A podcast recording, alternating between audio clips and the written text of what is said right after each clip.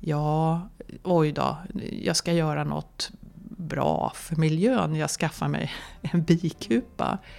Utan att tänka närmare på det och det tycker jag, jag tycker det är ganska, an, inte att ta sitt ansvar.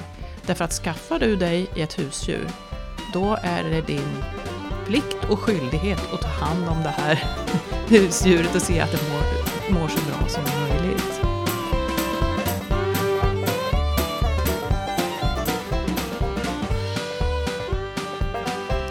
Hej och välkomna till ett nytt avsnitt av podcasten Nu vet vi det med mig Sabina Braun, doktorand och agronom på Sveriges lantbruksuniversitet och dagens gäst Eva Forsgren.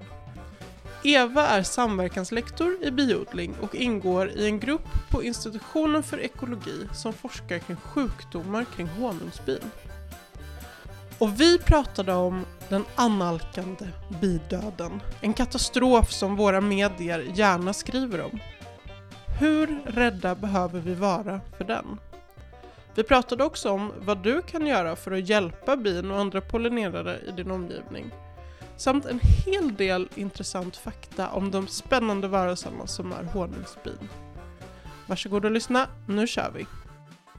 Mm. Hej Eva, välkommen hit. Vad kul Tack. att du ville komma hit. Tack. Eh, vad är det som du jobbar med? Jag arbetar i en grupp här på SLU, Institutionen för ekologi, som sysslar med hälsa hos honungsbin. Eh, inte bara honungsbin ska jag säga, vi har kikat lite på bin i övrigt också, men bin och humlor och sådär. Eh, sjukdomar, vi har ett labb som diagnosti- diagnostiserar sjukdomar hos, hos bin. Jag är också samverkanslektor och det betyder alltså att jag samverkar mot biodlingen eh, och alla som är intresserade av biodlingen. Och eh, det är ju halvtid då och sen så resten så forskar jag på sjukdomar hos honungsbin. Okej, du sa honungsbin och andra bin, är inte alla bin honungsbin? Nej. Om man tittar över världen så finns det mer än 20 000 arter bin faktiskt. Och eh, eh, det här biet som, som man tänker på när man tänker biodling, det är en art av honungsbin. Apis mellifera heter den. En art av bin som vi människor har spridit runt hela jorden med vår biodling. Och eh, de här honungsbina då, de är ju, lever ju i, i det är en social insekt. De lever ju i stora samhällen med tiotusentals bin i. Och det är skillnad mot de här vilda bina då som eh, ofta, är, ofta är solitära. Och till vilda bin räknas också humlor ska jag säga. Ja, okej. Jag trodde Mm. de var helt skilda. Nej, eh, humlor är, en humla är ett slags bi. Ja, då, de solitärbina, det vet man pratar om att man ska bygga små bon åt dem i trädgården så de ska kunna övervintra och sånt. Ja, och det är eh, när det pratas om det här med bidöden och hur mycket bin... Ja, eh, det här fokuset på att, att bina håller på att dö ut eller så här. Det är, för det första, så, nummer ett, så är det ju så att eh, media vill ju gärna ha sådana rubriker. Absolut. Och eh, när det gäller odlade honungsbin, de som vi människor har i biodling, så är det faktiskt så att antalet bisamhällen världen över ökar. Men samtidigt har vi gjort, gjort oss så beroende av odlade honungsbin för pollinering så att det är brist på dem i vissa odlingslandskap.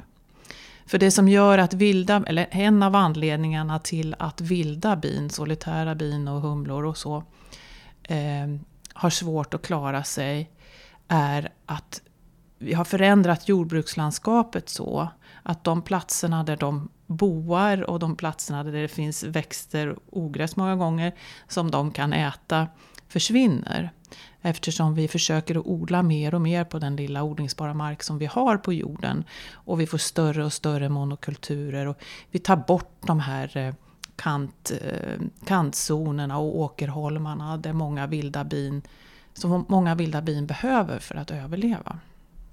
Okej, så de har helt andra problem än vad de tama bina har? Ja, det har de. Ehm, en gemensam sak och någonting som lyfts fram väldigt mycket nu det är ju det här med, med bekämpningsmedel eller växtskyddsmedel kan man ju också kanske kalla det, eller ogräsmedel. Ehm, olika kemikalier som man använder i, i, i jordbruket och i vår produktion. Ehm, och det bidrar säkert också. Men det har fått en, tycker jag, lite onyanserat stor vikt i den här diskussionen om vad det är som gör att bin dör. Därför att det är med all säkerhet en kombination av det plus det här med att deras eh, habitat eller där de bor och, och så försvinner. Ja, det låter ju som ett ganska tufft liv. Inte nog med att man inte har någonstans att bo så får man dessutom massa gift på sig. Ja, nej men visst, visst är det så. Och det är ju jättebra att vi... Det är verkligen jätte, jättebra att vi får upp ögonen för det här. För att här i Sverige till exempel så är ju det vi odlar som är beroende av pollinering eller pollinatörer då. Och vi ska säga att det är inte bara bin, det är ju andra insekter och även djur och så. Men, men eh, låt oss säga djurpollinering. Eh, men i alla fall så är det mycket av det vi producerar här i Sverige är ju väldigt beroende av de, eh, de vilda insekter som vi har. Eh, och det är ju jätteviktigt att vi börjar få upp ögonen för det. Ja, man brukar ju prata om det som heter ekosystemtjänster. Mm. Som vissa får utslag av att höra ordet mm. och andra tycker att det är fantastiskt. Ja. Är, är det någonting som, ett begrepp som ni använder är det av eller är det någonting som ska fasas ut? Eh, oj, alltså det där med ekosystemtjänster, ja jag vet, man försöker liksom mäta någonting som naturen gör för oss människor, ungefär som att det är mätbart. Och det där kan man ju diska, diskutera fram och tillbaka.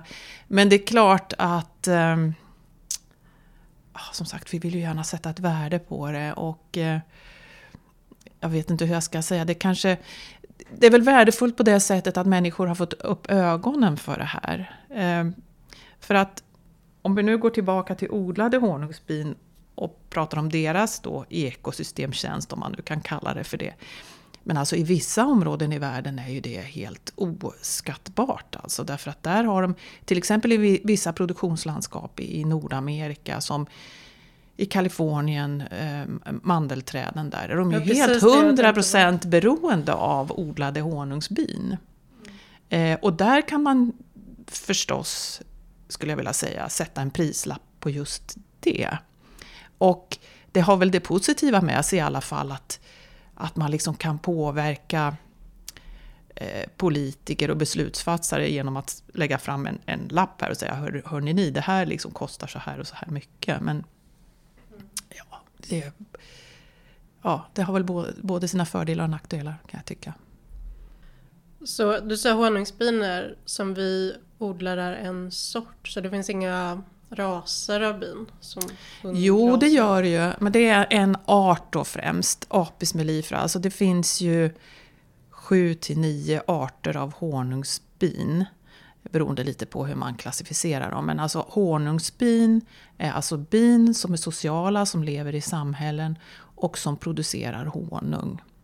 Eh, och eh, de flesta av de arterna som the giant honeybee som man säger eh, finns i, eh, i, i Asien. Där finns också ett bi som heter Apicerana. och det man kallar då det, det är ett eh, österländska biet eller det asiatiska honungsbiet som används faktiskt i biodling till viss del i Asien.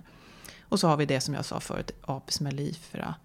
Eh, men Apis mellifera är, har spridits med biodling världen över eftersom det producerar mer honung. Så det har även tagits till Asien då och nästan slagit ut det här asiatiska honungsbiet i honungsproduktionen. Mm.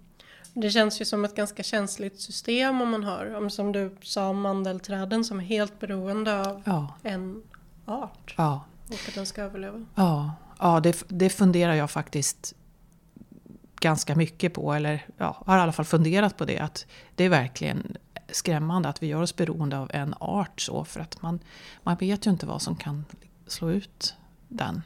Och Apis mellifera då som används i biodlingen världen över har ju har ju haft och har ju fortfarande problem. Kan vi gå in lite på, det finns något virus som heter varroavirus? Nej, det är ett kvalster som heter varroakvalster. Mm. Och, och först skulle jag vilja säga då att innan vi går in på problemen med det så skulle jag faktiskt vilja säga det att jag tycker att man ska tänka på honungsbin mer som en, ett husdjur än vad vi generellt gör. Därför att, om, därför att vi har tagit honungsbiet i vår tjänst. Vi har liksom domesticerat det till en viss grad. Och då tycker jag också att vi har ett ansvar att ta hand om dem på bästa sätt. Precis som om man skaffar sig vilket annat husdjur som helst så tycker jag att det är jätteviktigt att man tar reda på hur man ska ta hand om dem på ett bra sätt. Eh, och eh, en hel del av problemen i biodlingen beror faktiskt på att människor inte inser det här utan att de tycker att ja, oj då, jag ska göra något bra för miljön, jag skaffar mig en bikupa. Utan att tänka närmare på det och det tycker jag jag tycker det är ganska... An, inte att ta sitt ansvar. Därför att skaffar du dig ett husdjur, då är det din plikt och skyldighet att ta hand om det här husdjuret och se att det mår, mår så bra som möjligt. Ja, förlåt, det var inte din fråga men...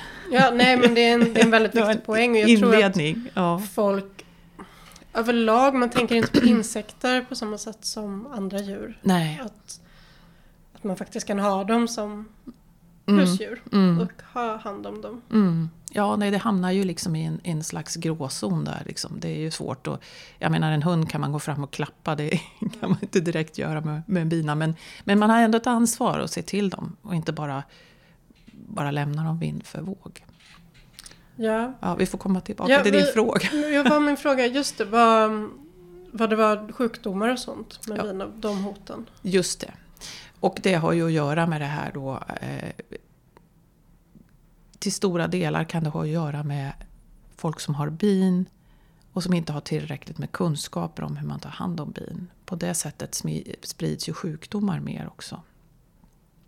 Det här varroakvalstret som du nämnde, ja det är skulle jag vilja säga det största hotet mot honungsbin, odlade honungsbin världen över. Det är ett kvalster som föder sig på binas motsvarighet till blod, alltså hemolymfa. Eh, det biter hål på Ja, det kan bita hål på vuxna bin mellan ryggsköldarna på bakkroppen. Och, eh, men främst så går det alltså ner i ynglet, alltså larver och puppor hos honungsbin. Och eh, biter hål på larverna och suger den här hemolymfan. Eh, och det är inte kvalstret i sig som egentligen är problemet utan det är de virusinfektioner som kvalstret sprider. För att du kan ju tänka dig hur effektivt det är när det liksom biter hål på, på biet och de här viruspartiklarna sprids. Mm -hmm. Ja, en jätteeffektiv vektor. Ja, det är det. Det är det verkligen. Så, um, hur sprider det sig mellan kupor? Är det att bina flyger omkring och hälsar på varandra? Ja, visst så är det ju. Bin, är ju inte, bin flyger ju fel till exempel. Eller, eh, eller eh, ett ganska vanligt scenario kan vara det att, att ett bisamhälle som har väldigt stora kvalstertal, alltså har väldigt mycket kvalster, håller på att dör och är väldigt försvagat. Då kommer ett friskt bisamhälle, eller bin från ett friskt bisamhälle och rövar ut deras honungs... Eh, eh supply, vad heter det på svenska? Ja, deras honung kan vi säga. Och det är ju ett supereffektivt sätt för kvalstret att spridas från ett svagt, sjukt, döende samhälle till ett friskt. Wow, vilka mm. rövarbin! Ja, rövarbin. Man kallar det för röveri faktiskt. Ja, mm. Wow, det är ju väldigt smart av ja. de starka bina. Mm. Ändå. Men det gör ju också att om du som biodlare bor i ett område där, där du har många grannar som har bin så kanske du är jätteduktig på att bekämpa varroakvalstret. För det kan man och det bör man som biodlare göra och hålla det på så låga nivåer som möjligt. Så kan du, även om du är jätteduktig på det, ha grannar som inte är så duktiga på det. Mm. Och då har dina friska bin fullt upp med att röva ut ja. grannens sjuka ja, bin. Ja, varje gång du behandlar dem så ja. flyger de ut och hämtar nya kvalster. Ja, ungefär så. Ja. Mm. Ja, då känns det som, finns det någon, eh, några regler för att du måste det finns, Ja, nej. Det finns ett regelverk här i Sverige som eh, har gått ut på att försöka begränsa spridningen av kvalstret. Vilket gör att vi fortfarande i vissa delar av landet eh, inte har kvalstret, uppe i norr då, där det inte är så tätt med biodlare. Men alltså man kan liksom inte ålägga en biodlare och, och, man kan liksom inte gå ut och... Alltså det finns regelverk och att de bör och ska och sådär men, men det är ju inte alla som gör det. Nej, så är det ju. Mm. Eh, den här trenden med att man skulle ha bi i stadsmiljöer mm. vet jag var för några år sedan jag hörde om det senast. Att man satte bikupor på tak och mm. bostadsrättsföreningar skulle ha sina egna bin. Mm. Eh, är det någonting som fortfarande håller på? Ja, det är, all, jag tror, ja, det är jättemånga liksom, storstäder och så som har det här. Eh, urban bees. Eh, det finns ett företag i Stockholm också som hyr ut bisamhällen till företag och, och sådär. Eh, och jag tror att det fortsatt går bra. Jag, jag vet faktiskt inte. Och det är väl... Eh, jag skulle säga det är väl bra så länge, så länge de håller sig friska. Det kan ju bli lite svårt kanske om de får någon sjukdom eller något sånt där. Men ja, det. Ja, ja för det hade varit bina i städer. De hittar mer mat i städer än vad de gör på landsbygd. Mm. För att det finns mer parker, massa olika sorts blommor, mm. balkonglådor. Mm. Så kan det nog vara. Så kan det nog vara. Eh, och eh, det har ju visat sig också att till exempel sådana här koloniträdgårdar är jättebra för humlor och vildbin och så. Så visst, det är säkert bra. Ehm, när man pratar om bin generellt då så är honungsbin går ju alldeles utmärkt att ha uppe på taken och så. Men medan då andra eh, solitärbin och humlor och så är ju mycket, de flyger ju inte så långt som honungsbina. Så där är det nog rätt bra om man håller sig ner på marken. Eller, att man, eller i alla fall att man inte tänker sig att bara bygga stadsmiljöer, gröna ytor högt upp. Liksom för att mm. det, utan att man också tänker på att man håller sig nere på jorden. Ja, skönt för alla. Mm. Mm. Om vi varvar tillbaka till det vi sa, du pratade om media, rubriker och mm. lite sensationsjournalistiken. Mm. Hur mycket sanning finns det i de här domedagsrubrikerna om att vi kommer dö ut för att bina dör? Ja, det är ju eh, inte sant.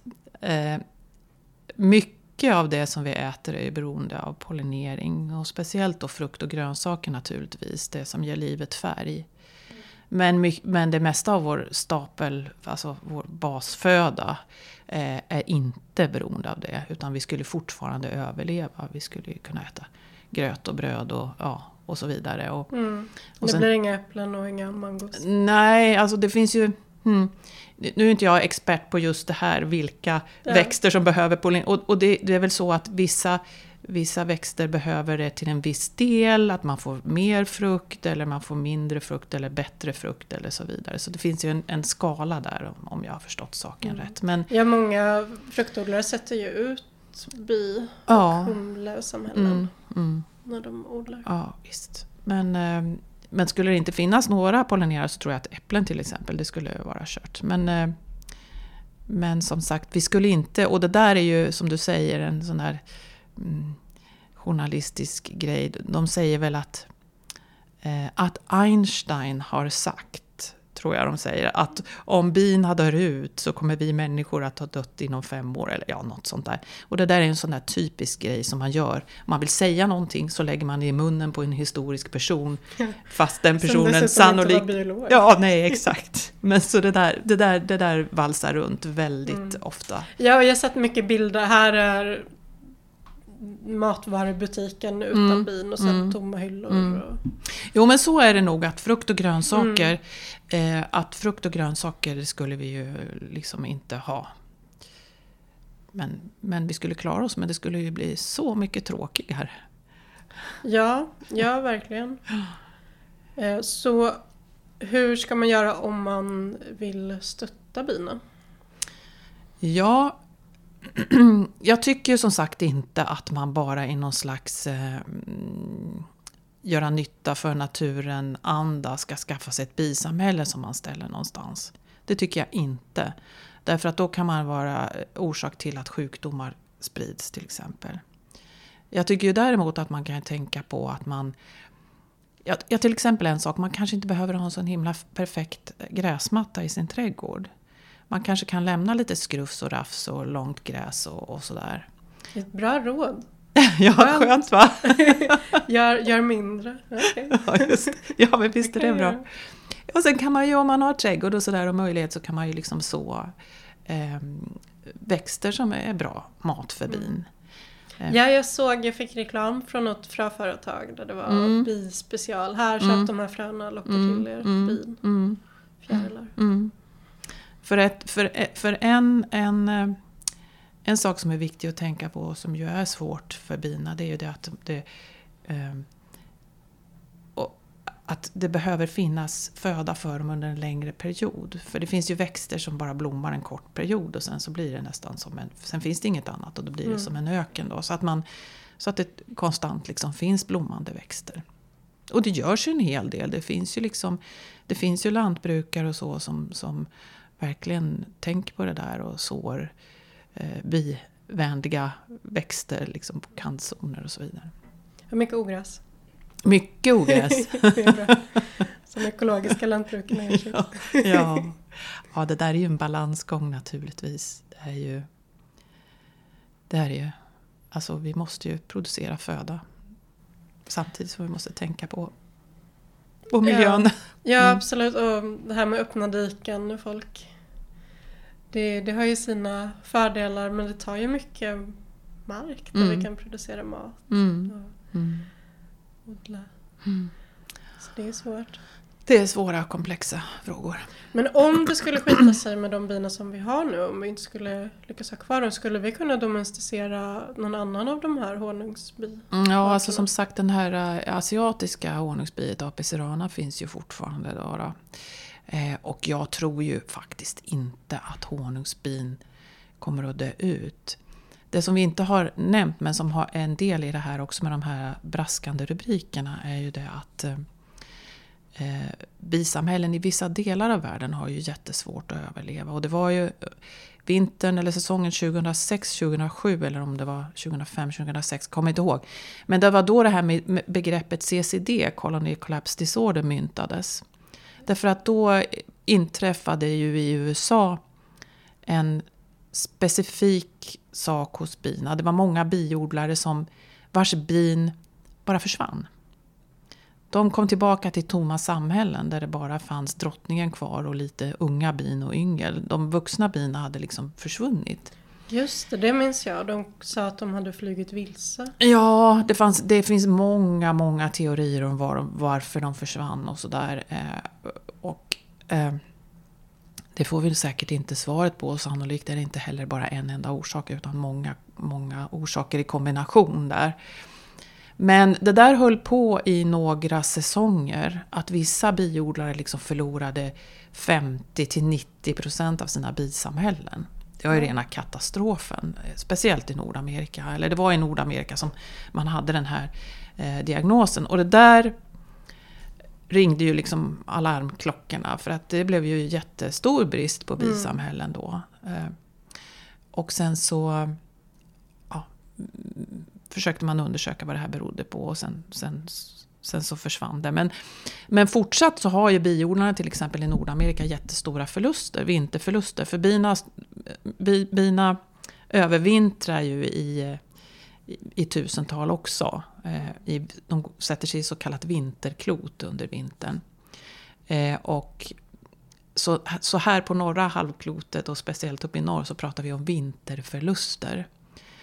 Och vinterförlusterna i Nordamerika för nordamerikanska biodlare ligger konstant på 30 procent. Mm. Det är ganska mycket. Ja, alltså. Men eh, och här i Sverige ligger det på väl någonstans runt 15 procent kanske varje vinter. Men, men biodlare är väldigt bra på att kompensera för det här. För att man kan, kan från ett bisamhälle när säsongen sätter igång så kan man göra två och fler. Man delar dem alltså. Mm. Eh, och eh, därför så kan biodlarna kompensera för sådana där förluster. Men det, det, är klart att det är ekonomiskt kostbart och det liksom, eh, kräver ju resurser och, och så vidare. Mm. Men det är det där ligger ju också bakom de här braskande rubrikerna vad det gäller då odlade honungsbin.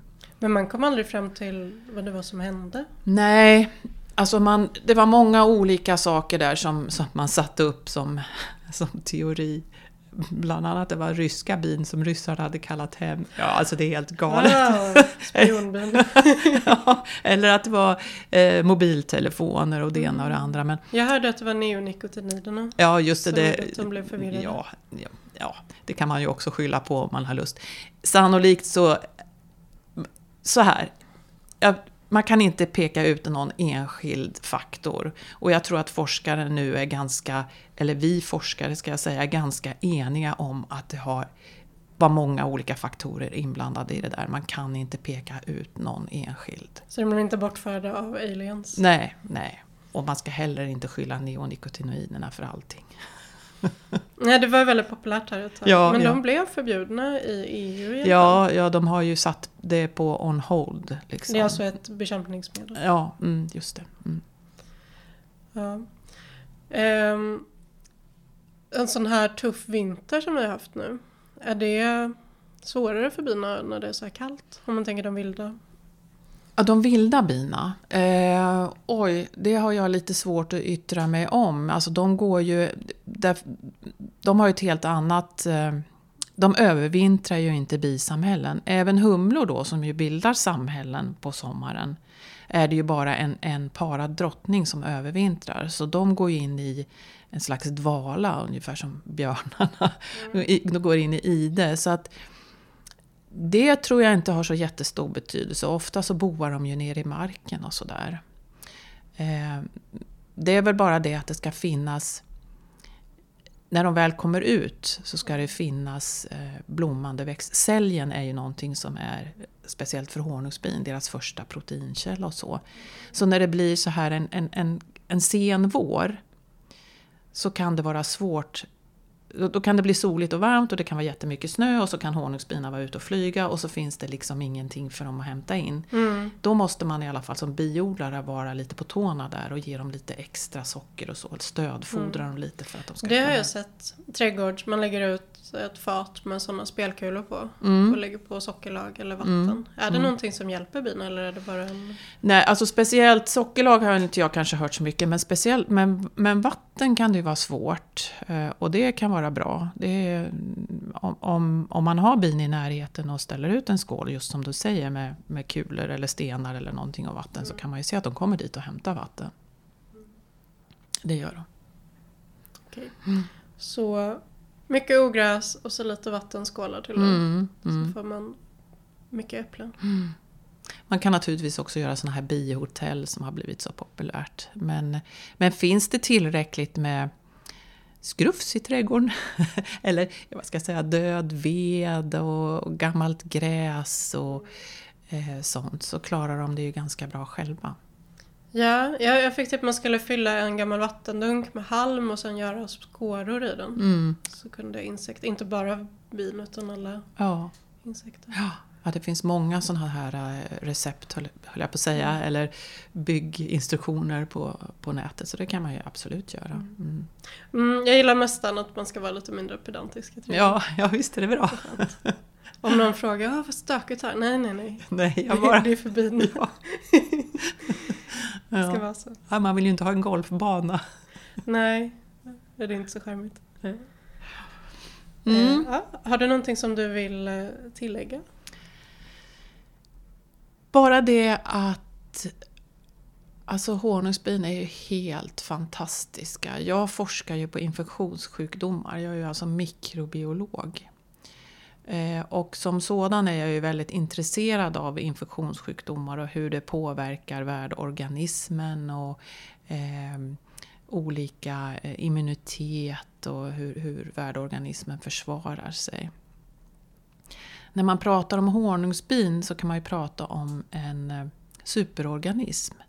Eftersom de individuella bina i sig själva inte har någon som helst funktion utan det är bara tillsammans som de bildar en, en funktionell enhet. Precis som neuroner i hjärnan liksom inte har någon betydelse om de inte tillsammans bildar ett fun funktionellt organ. Och det där har ganska stora, eh, stor betydelse för det här med smittspridning och epidemiologi magin hos honungsbin och det tycker jag ju är helt, helt fantastiskt. Ehm, det finns alltså olika nivåer, alltså man kan titta på en sjukdomsalstrare effekter på individnivå, individuella bin och larver och man kan titta på den i, ur ett superorganismperspektiv. Vilket är väldigt spännande. Jag, jag, måste bara säga, jag måste bara ge ett exempel som jag tycker är väldigt coolt. Vet du om att ett honungsbisamhälle kan få feber? Ingen aning. jo, det kan de. Därför att ehm, eh, de kan alltså gemensamt höja temperaturen i bikupan en eller ett par grader. Eh, om, de blir, om de får en infektion av en viss typ, en svampinfektion, mm. så, så trivs den svampen bäst vid det här gradantalet som, som vanligtvis är i bikupan, 35-36 grader. Men då kan bina öka temperaturen genom att röra sina vingmuskler. Mm. Så ökar de temperaturen några grader och så kan de bli av med den här infektionen. Wow. Ja, det är ganska fantastiskt. Hur vet de att de har en infektion? Ja, det kan man verkligen fråga sig. Wow. Det kan man verkligen fråga sig. Men det finns många sådana här, när det gäller då eh, im, im, immunitet så finns det många sådana här saker som, eh, en sån här socio, som är in, involverade i deras sociala immunitet. De är verkligen eh, bra på att hantera infektioner. Häftigt. Mm. Väldigt, väldigt häftig organism. Mm. Ja, ja, det är det. Ja, det är många andra saker som jag, om vi hade tid, kunde prata om också. De, gör demokratiska, de tar demokratiska beslut. Det kan vi gå in på lite grann faktiskt. Det lät... Vill du höra om det? Jag vill väldigt gärna höra om det. det är också en sådär jätteintressant och spännande sak. I, I det vilda, honungsbin i det vilda då, där våra apis mellifera härstammar ju liksom nerifrån Afrika och där finns ju fortfarande samma slags bi i det vilda. Mm. Så bor ju de eh, honungsbina i håligheter i träd. Och bygger då sina vaxkakor och sådär där. Eh, och ett bisamhälle, du har väl hört talas om att ett bisamhälle svärmar? Mm, det har jag. Och det gör ju bisamhällen när det blir för trångt. Och det är också en reproduktion på, på, på superorganismnivå. Ett bisamhälle blir två, men det kan vi strunta i. Men alltså när det blir för trångt och de sitter i sin hålighet där i trädet så blir det för trångt. Då märker de det och då börjar de mata upp en ny drottning. Drottningarna, bidrottningarna är, är vanliga bin, alltså vanliga larver fast de ger dem en speciell sorts foder. Då mm. utvecklas en arbetarlarv till en drottning. En drottninggelé? En, de, ger en, de ger en drottninggelé, ja. Eh, och drottningen är ju den enda reproducerande individen i bisamhället. Så då matar de upp nya såna här drottningar. Och då tar den gamla drottningen ungefär hälften av bina och lämnar det gamla boet. Flyger iväg, det är då man ser i luften att det kommer en svärm. Liksom. Då mm. kommer drottningen i mitten och så kommer det liksom tusentals bin runt henne. Så flyger de iväg oftast en ganska kort bit först och sätter sig i något träd. Det är då de hänger där som en klump bin. Liksom. Och då är ju de ute efter en ny boplats. Så då skickar de ut spanarbin i olika riktningar för att hitta andra håligheter i träd eller någon skorsten eller något. Mm. eh, och de, där spanarbina flyger i olika riktningar och så hittar de lämpliga, lämpliga håligheter och så kommer de tillbaka till svärmen. Mm. Och på svärmen så dansar de, du har hört talas om den här bidansen kanske? Mm, ja, mm. jag såg någon film. Ja just det, de tar ut riktning mot solen eh, och sen så eh, antal svängningar liksom på, på rumpan, eller vad ska jag säga, indikerar avståndet. Och då får de med sig andra bin till de här olika ställena, spanarbina, och så kollar de in dem där. Och sen så, ja, den sämsta faller bort och så får, de rekryterar lite liksom anhängare till sin boplats. Till slut är det en. Till slut har alla liksom valt den bästa. Så till slut har de liksom tagit ett beslut om att det här håligheten i det här trädet var den bästa. Då, först då, så tar hela, hela svärmen av, alltså då flyger de iväg. Och så de här spanarbina flyger i mitt inne i svärmen, först tvärs igenom och sen tillbaka runt och sen tvärs igenom för att visa riktningen till den här håligheten. Och så flyttar de till den här nya håligheten och gör ett nytt bo, har de beslutat. Helt, helt fantastiskt. Ja, det, det är det. Ja. Så coolt. Så coolt. Ja. ja. vi avslutar med det. Tack så jättemycket för att du var med. Tack ska du ha. Det var jättekul att prata om vin. Mm, tack.